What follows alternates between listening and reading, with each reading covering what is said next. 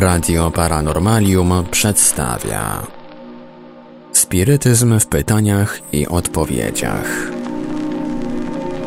Na pytania słuchaczy odpowiada Piotr Struczyk z Polskiego Towarzystwa Studiów Spirytystycznych www.spirytyzm.pl Dzień dobry. Nasze ostatnie spotkanie zakończyliśmy na pytaniu dotyczącym ewolucji duszy w spirytyzmie i od tego właśnie punktu zaczniemy dzisiejszą rozmowę.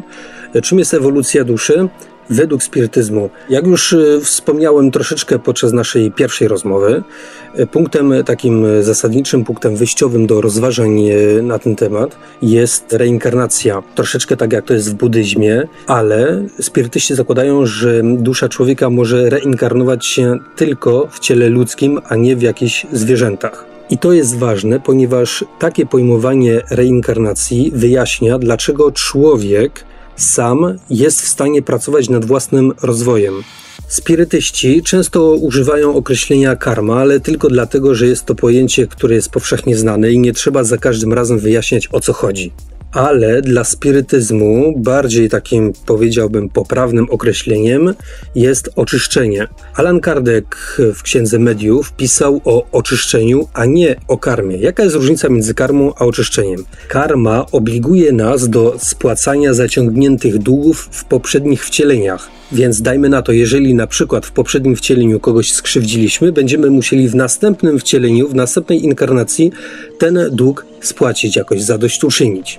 Natomiast oczyszczenie polega bardziej na doskonaleniu siebie poprzez różnego rodzaju doświadczenia, poprzez różnego rodzaju próby, które wybieramy jeszcze przed naszymi narodzinami. Tak więc można tak ogólnie powiedzieć, że prawo karmy skupia się na spłacaniu zaległości, a oczyszczenie na rozwoju, własnym rozwoju duchowym. Oczywiście wszystko to jest ze sobą powiązane. Nie ma oczyszczenia, jeżeli nie jesteśmy gotowi zadośćuczynić wyrządzonych krzywd. Każdy z nas się doskonali, każdy z nas staje się osobą, istotą coraz mądrzejszą. I sami w pewnym momencie jesteśmy w stanie ocenić, czy nie mamy jakichś długów, które należałoby spłacić, a może ktoś kiedyś nam pomógł, a może dana osoba będzie potrzebowała teraz naszej pomocy, a może nadużyliśmy czyjejś cierpliwości, albo nadużyliśmy czyjejś dobroci. Więc powiedzmy, że to są takie rzeczy, do których człowiek, do których dusza, duch e, dojrzewa. Więc reagowanie na takie wewnętrzne bodźce jest znakiem, że w naszym rozwoju posunęliśmy się o krok do przodu.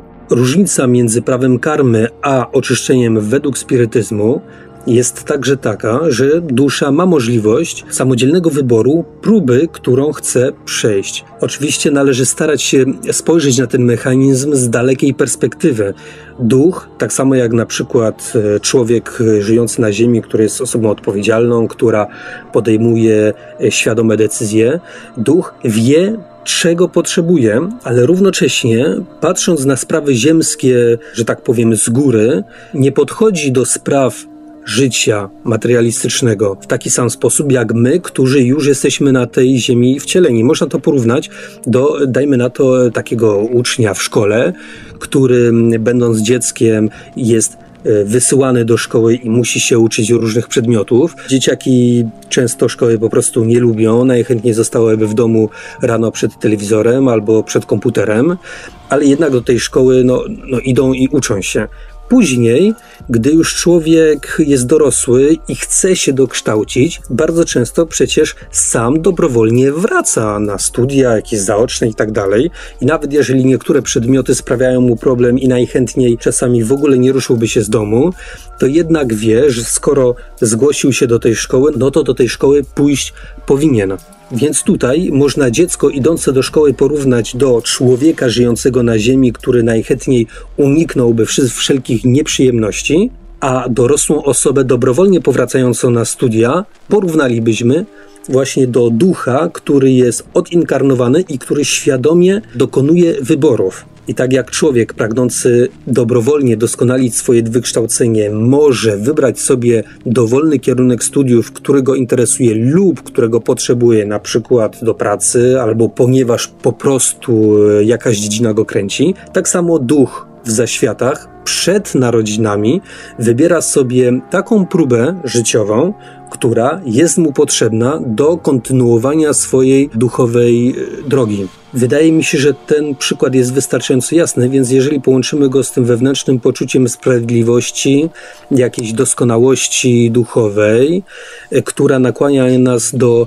podejmowania także trudnych prób, robimy poniekąd taką pętelkę i wracamy do prawa karmy, ponieważ prawo karmy każe nam spłacać długi, ale według spirytyzmu to my sami decydujemy się na spłacanie tych zaległości. Oczywiście istnieją duchy bardziej rozwinięte i słabiej rozwinięte. Duchy bardziej rozwinięte są bardziej światłe, więc podejmują bardziej odpowiedzialne decyzje. Duchy słabiej rozwinięte, jak już możemy się domyślić, czasami trzeba popchnąć do działania. I tutaj należy podkreślić, że nie każdy duch ma taką całkowitą swobodę wyboru. Duchy bardzo zacofane, troszeczkę tak jak małe dzieci, muszą być prowadzone za rękę, dopóki nie nabiorą jakiejś tam już konkretnej świadomości. Niemniej duchy, które my tutaj na Ziemi oceniamy jako słabo rozwinięte, również mają pewną ograniczoną swobodę działania. Z przekazów spirytystycznych wynika, że nawet duchy opętujące potrafią wykazać skruchę i obrać drogę rozwoju i odkupienia. I teraz jakimi kryteriami posługują się duchy, które mają wybrać jakąś konkretną próbę?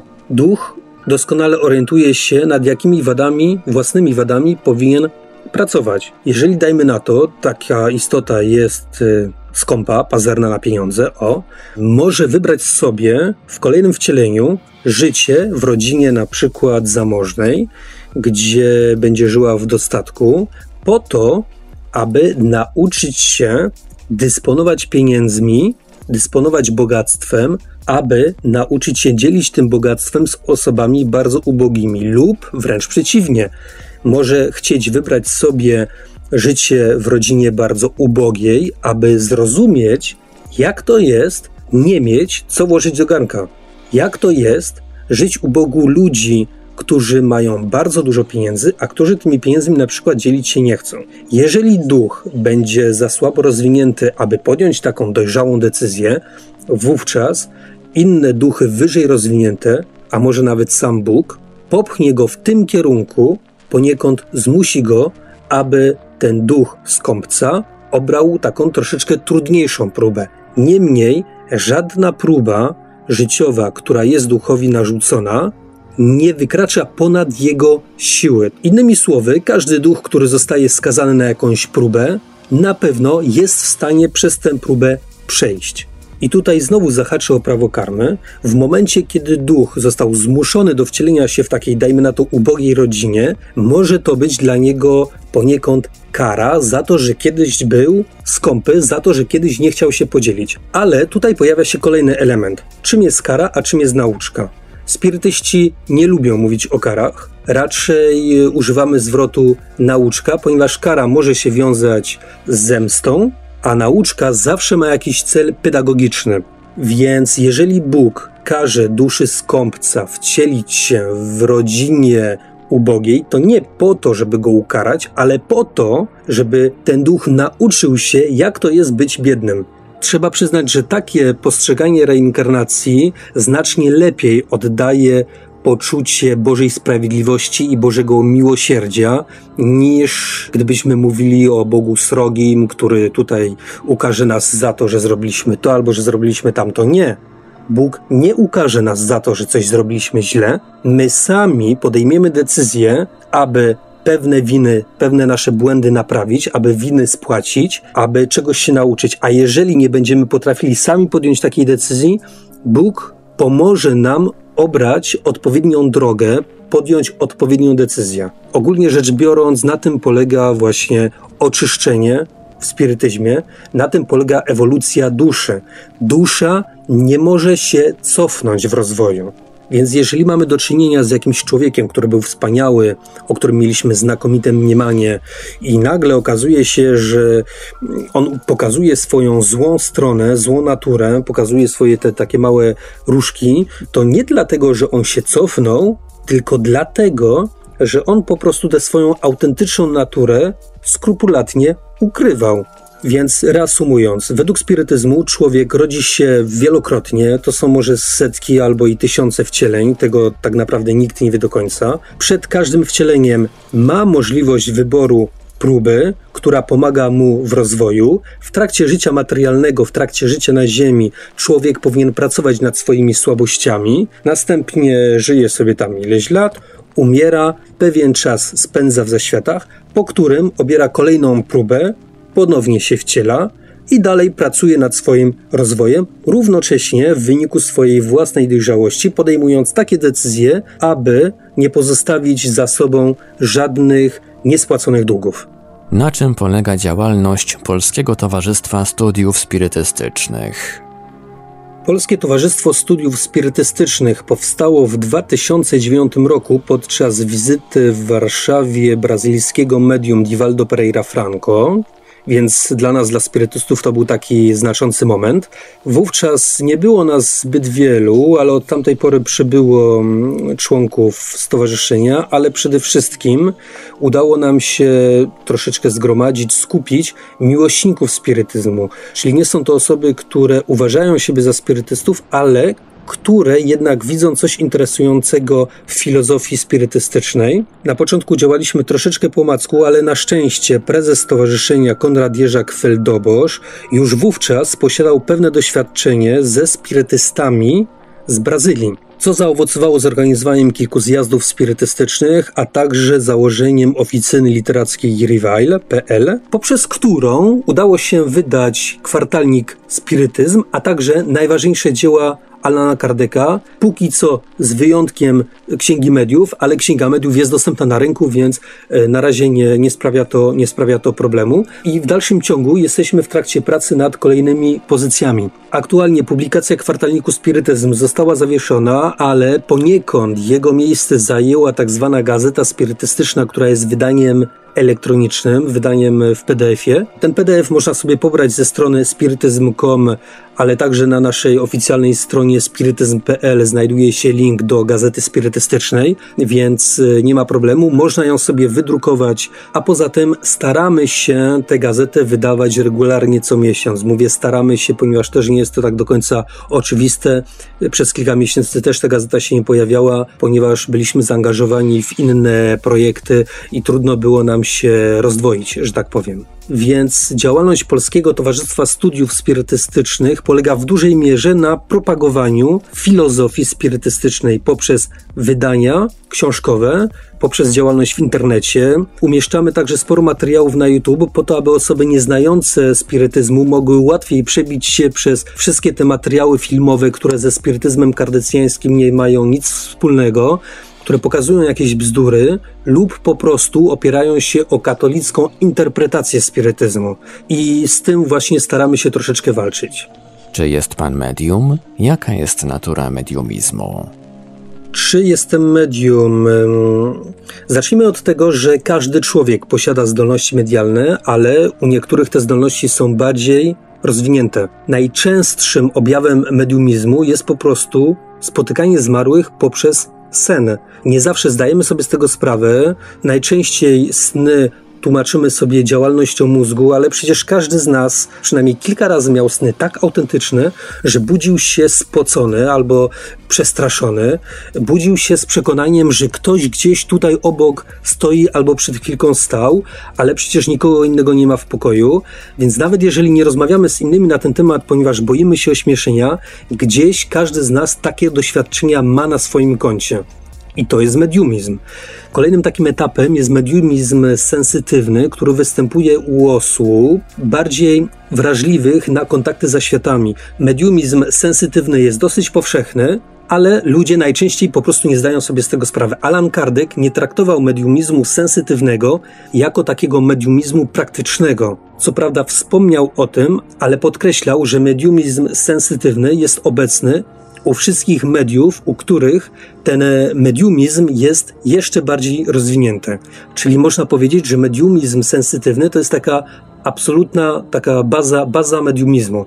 ale nie jest to mediumizm praktyczny, czyli osoba z takimi zdolnościami nie spisze komunikatu od ducha w zaświatach, ale na przykład może być w stanie określić jego samopoczucie, jego stan psychiczny, i tutaj, na takim etapie, ogólnie rzecz biorąc, zatrzymuje się ta zdolność komunikacji ze światami. Więc gdy ktoś zadaje mi pytanie, czy jestem medium, odpowiadam, że nie, nie jestem medium, chociaż posiadam zdolności medialne, które jednak nie wykraczają poza ten e, mediumizm sensytywny. Więcej na ten temat napisałem w książce Mój kardecjański spirytualizm, więc zachęcam do sięgnięcia po tę książkę, ponieważ nie chciałbym tutaj w tym miejscu znowu zbyt wiele mówić o sobie i wolę przejść do kolejnych wyjaśnień. Mediumizm jest właściwością ciała materialnego, ale także właściwością ducha medium, więc nie ma mediumizmu bez odpowiedniego ciała i nie ma mediumizmu bez odpowiedniego ducha. Gdy mówimy o mediumizmie, powinniśmy mówić także o fenomenach spirytystycznych, ponieważ mediumizm ujawnia się właśnie poprzez fenomeny aby fenomeny spirytystyczne zaistniały, musimy mieć medium i musimy mieć ducha odinkarnowanego, takiego ducha bezcielesnego w zaświatach, który będzie współpracował z medium, z człowiekiem. Te dwa elementy są niezbędne, aby mogło dojść do jakichkolwiek fenomenów spirytystycznych, więc gdy na przykład mówimy, że w jakimś domu straszy, to oznacza, że gdzieś w pobliżu tego domu musi znajdować się jakieś medium. Medium może być nieświadome. Medium nie musi zdawać sobie sprawy, że posiada takie czy inne zdolności. Dlatego, jeżeli gdzieś na odludziu kogoś przestraszył duch, istnieje możliwość, że dana wystraszona osoba posiada jakieś zdolności mediumiczne. Alan Kardec w Księdze Mediów wyjaśnia to tak, że duch pobiera od medium fluid wykorzystywany właśnie w tych wszystkich manifestacjach. Ale czym jest ten fluid? Ale zanim pójdziemy dalej, trzeba sobie zadać pytanie, czym jest człowiek. Człowiek składa się z ciała materialnego, o którym uczymy się na lekcjach biologii, z duszy, która jest tą inteligentną, nieśmiertelną zasadą, która przetrzymuje, zachowuje całą swoją indywidualność, całą swoją wiedzę nabytą przez wszystkie wcielenia i która posiada także ciało duchowe, czyli ciało duchowe dla duszy jest tym, czym dla ducha jest ciało materialne. Duch, tutaj podkreślam, to jest dusza z ciałem duchowym. Duch i dusza to nie to samo. Duch, czyli dusza z ciałem duchowym, to jest to, co określamy jako zjawa. Gdy ktoś widział zjawę, widział duszę z ciałem duchowym. I teraz duch jest połączony z ciałem materialnym poprzez dwojnik eteryczny, który opisujemy także jako długi taki wąż, długa lina łącząca właśnie ducha z materią. I ten właśnie dwojnik eteryczny to jest ten fluid, o którym pisał Alan Kardec który duchy pobierają w celu wywołania jakichś fenomenów spirytystycznych. Duchy niewcielone tego elementu nie posiadają, dlatego muszą go y, zapożyczyć od osób żywych. I teraz, czym więcej łatwości duch będzie miał w pobraniu tej y, półmaterii, że się tak wyrażę, fenomeny spirytystyczne będą bardziej okazałe. I teraz tutaj może się pojawić pewien problem, bo nawet jeżeli medium będzie bardzo rozwinięte i będzie rozdawało na prawo i na lewo te półmaterie, ten dwojnik eteryczny, nawet jeżeli ten dwojnik eteryczny będzie z niego aż kipiał, staram się to opisać tak troszeczkę obrazowo, to jeżeli duch nie będzie, że tak powiem w cudzysłowie, odbierał na tych samych falach co medium, to nie będzie miał możliwości pobrania tego dwojnika eterycznego i, i, i do, do żadnych fenomenów nie dojdzie. Ewentualnie taki duch mógłby pośredniczyć przez innego ducha, no ale to już nie on będzie sprawcą tych fenomenów, tylko ktoś inny. Fakt, że jakiś medium jest rozwinięte, nie oznacza, że będzie mógł nawiązać kontakt z każdym, bezwzględnie każdym duchem. To tak nie działa.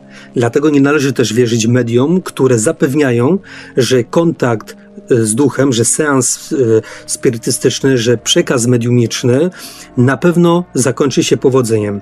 Jeżeli ktoś tak twierdzi, to po prostu mija się z prawdą, dlatego że jest to rzecz, której po prostu no, nie da się przeskoczyć. Co medium może, a czego nie może dokonać z pomocą istot wyższych? To jest dobre pytanie, ale tutaj trzeba zastanowić się najpierw, trzeba sprecyzować, czym jest istota wyższa. Istota wyższa dla spirytystów to jest duch, którego moralność jest, znajduje się na wyższym poziomie niż u duchów inkarnujących się na Ziemi. I nie należy tego łączyć z jakimiś istotami o nadludzkich zdolnościach, które potrafią, e, nie wiem, przeobrazić kamień w złoto albo potrafią zesłać na kogoś klątwę i, i tak dalej. Nie, to jest zupełnie co innego. Istota wyższa dla spirytysty to jest istota, która znajduje się na wyższym poziomie moralnym, wyższym poziomie intelektualnym, czyli można by rzec, że istotami wyższymi dla spirytystów są na przykład anioły, chociaż takie określenie w nomenklaturze spirytystycznej raczej nie funkcjonuje. Czyli powracając do naszego pytania, czego nie może dokonać medium? No, nie może na przykład przepowiadać przyszłości, ponieważ przyszłość jako taka nie jest ustalona. Czyli są pewne punkty w naszym życiu, które powiedzmy muszą się odbyć, ponieważ po to się narodziliśmy, aby pewne określone sytuacje przeżyć, ale poza tym mamy wolną wolę, która pozwala nam decydować o tym, co zrobimy tu, teraz, zaraz, za 5 minut, za pół godziny, za tydzień. Więc w momencie, gdy medium przepowiada nam przyszłość, to ta przyszłość tak naprawdę już została zmieniona, ponieważ znając, teoretycznie znając przyszłość, mamy możliwość wpłynięcia na nią. A skoro wpływamy na nią, to też ją zmieniamy. I tym samym sposobem nasza wiedza, którą uzyskaliśmy 5 minut temu, przestaje być aktualna. Więc y, to jest troszeczkę taki paradoks, ale przepowiadanie przyszłości tak naprawdę mija się z celem. Poza tym, przepowiadanie przyszłości możemy porównać do takiego lotu balonem bardzo wysoko nad ziemią, z którego widać dokładnie wszystkie okolice, wszystkie drogi, i na przykład na jednej z dróg postrzegamy jadący samochód, i my z tego wysokiego balonu możemy powiedzieć do kierowcy: Proszę pana, tam jest zakręt, i na tym zakręcie powinien pan zwolnić, bo ten zakręt jest naprawdę bardzo niebezpieczny. No i teraz zależy od kierowcy, co się stanie. Jeżeli kierowca zwolni, przejedzie bezpiecznie. Jeżeli kierowca nie zwolni, będzie miał wypadek. Ale w momencie przypowiadania tej przyszłości, my nie jesteśmy w stanie powiedzieć, czy on będzie miał ten wypadek, czy nie, ponieważ my tego nie wiemy. Dlatego, że ten kierowca siedzący w tym samochodzie, on ma możliwość, ma wolną wolę i on ma możliwość zadecydowania, czy pojedzie szybciej, czy wolniej. My możemy tylko mu podpowiedzieć: uwaga, tu jest niebezpieczeństwo. Więc y, taki kierowca, jeśli zgłosi się do nas i zapyta, y, panie medium, proszę mi powiedzieć, czy będę miał wypadek, medium nie może mu powiedzieć tak albo nie. Proszę pana, tu jest zagrożenie, tu powinien się pan skupić, proszę uważać. I tyle. Więc jeżeli mówimy o przepowiadaniu przyszłości, to tak naprawdę ta umiejętność tutaj się zatrzymuje. Nie mamy możliwości dalszej jakiejś takiej dogłębnej penetracji tej przyszłości, ponieważ każdy z nas ma prawo decydować o sobie. Chodzi o to, abyśmy bardziej skupiali się na tym, co się dzieje tu i teraz, abyśmy byli w stanie e, dzięki własnemu rozumowi podejmować decyzje, niż sugerować się jakimiś przepowiedniami, które nie wiadomo, czy się spełnią. Ponadto co jest tutaj chyba najbardziej istotne, gro osób będących przekonanych o tym, iż posiadają zdolność przepowiadania przyszłości, które mają jakieś autentyczne zdolności mediumiczne, tak naprawdę kontaktują się z duchami, które często próbują sobie z nich robić żarty, po prostu z nudów. No, brzmi to troszeczkę trywialnie, ale taka jest prawda. Wiele mediów przepowiadających przyszłość jest przekonanych o autentyczności przekazu, ale duchy, które te informacje podają, po prostu pletą bzdurę. Duchy nie są wszechwiedzące. Duchy nie wiedzą więcej niż przeciętny człowiek. Jeżeli ktoś był profesorem, zna swoją dziedzinę, może się jako duch na ten temat wypowiadać, ale to, że ktoś był ekspertem z literatury albo z matematyki albo z fizyki, nie oznacza, że yy, znajdując się po drugiej stronie, znajdując się w zaświatach, nagle objął wiedzę z każdej dziedziny, a także zdobył umiejętność przepowiadania zdarzeń, które dopiero nastąpią. I też jeśli chodzi o przepowiadanie takich spraw poważnych, jak na przykład wybuch III wojny światowej, o której y, wypowiadał się znany polski jasnowic pan Jackowski. Tutaj też należy być bardzo ostrożnym, ponieważ tak jak druga wojna światowa wcale nie musiała wybuchnąć, tak trzecia wojna światowa też nie wiadomo, czy wybuchnie. Jeżeli wybuchnie, to nie dlatego, że jest to nam pisane, ale dlatego, że ludzie żyjący tu i teraz nie potrafili umiejętnie pokierować swoim losem. Życie Adolfa Hitlera w latach 30. mogło się potoczyć zupełnie inaczej. Jeżeli do tej wojny doszło, to dlatego, że złożyło się na to wiele różnych y, zbiegów okoliczności, ale nie oznacza to, że ten konflikt musiał się pojawić. Więc jeżeli czytamy w mediach artykuły o tym, że w przyszłości ktoś doprowadzi do kolejnego konfliktu zbrojnego, należy to bardziej traktować jako przestrogę, aniżeli opis zdarzeń, które na pewno zaistnieją. Ja osobiście tylko raz w życiu pozwoliłem sobie tak na poważnie wyłożyć karty tarota, ale z tych kart dowiedziałem się tylko tyle, że wokół mnie znajduje się bardzo dużo przyjaźnie, pozytywnie ojawionych do mnie osób, co zresztą e, jest prawdą. Natomiast jeśli chodzi o jakieś e, historie związane z przepowiadaniem przyszłości i tak dalej, ja osobiście zawsze podchodzę do tego z wielkim dystansem i namawiam wszystkich, aby też nie sugerowali się tym, co wróżki im opowiadają ponieważ coś może się okazać prawdą, ale jestem przekonany, że większość uzyskanych informacji po prostu nie sprawdzi się. Poza tym, medium nie może na przykład rzucać klątwy za pomocą duchów, zresztą duchy wyższe nigdy nie wzięłyby udziału w czymś takim. A jeżeli jakiś duch zgodziłby się opętać e, człowieka, to oznacza, że do ducha wyższego jest mu naprawdę bardzo daleko. Rzucanie klątwy jest raczej związane z wysyłaniem w stronę drugiego człowieka negatywnej energii, własnej negatywnej energii, ale nie należy tego wiązać z jakąś działalnością złych duchów. Duchy oczywiście także mają własną wolę i mogą do pewnego stopnia robić, co im się podoba, ale nie ma to nic wspólnego ze współpracą mediów z duchami wyższymi. To są dwie skrajności.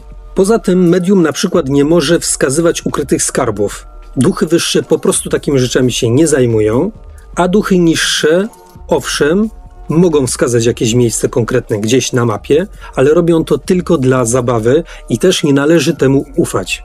Medium nie może ani posiąść, ani przekazać na kogoś jakichś ukrytych mocy.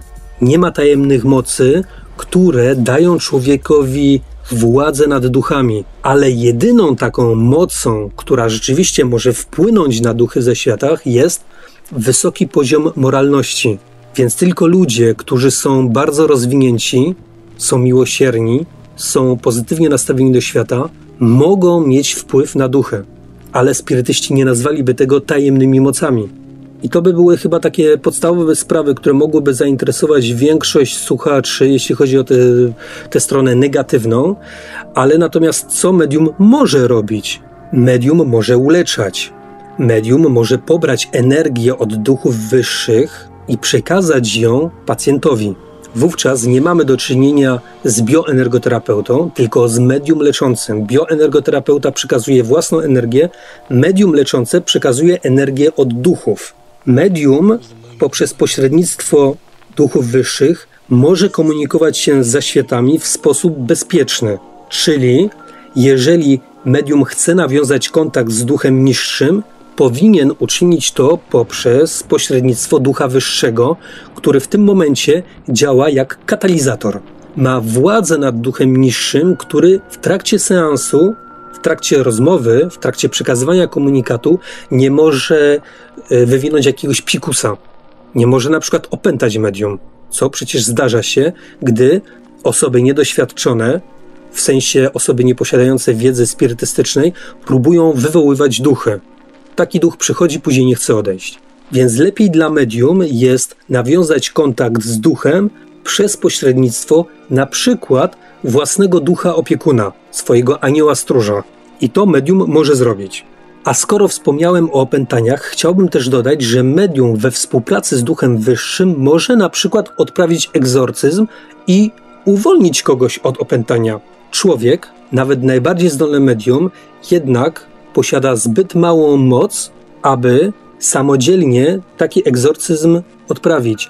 Musi zwrócić się do duchów wyższych, które jednak mają dużo większy wpływ na istoty odinkarnowane. Oczywiście mogą się zdarzyć wyjątki. Jezus jednym prostym słowem, dzięki swojemu własnemu wysokiemu rozwojowi moralnemu, był w stanie odprawić złego ducha. Ale niestety większość ludzi żyjących na naszej planecie nie posiada takiego daru. I to by było chyba takie, i to by były chyba takie najważniejsze sprawy, więc jeżeli ktoś ma jakieś bardziej konkretne pytania, jeżeli ktoś chciałby na przykład zweryfikować jakąś wróżkę, jeżeli ktoś chciałby sprawdzić, czy mm, dane medium jest godne zaufania. Ja bardzo chętnie wyrażę własną opinię, ale mm, tylko jako człowiek, który zna spirytyzm w jakimś stopniu i nie chciałbym tutaj zajmować takiego stanowiska wyroczni, który mówi, co jest dobre, a co jest złe. Była to audycja Spirytyzm w pytaniach i odpowiedziach.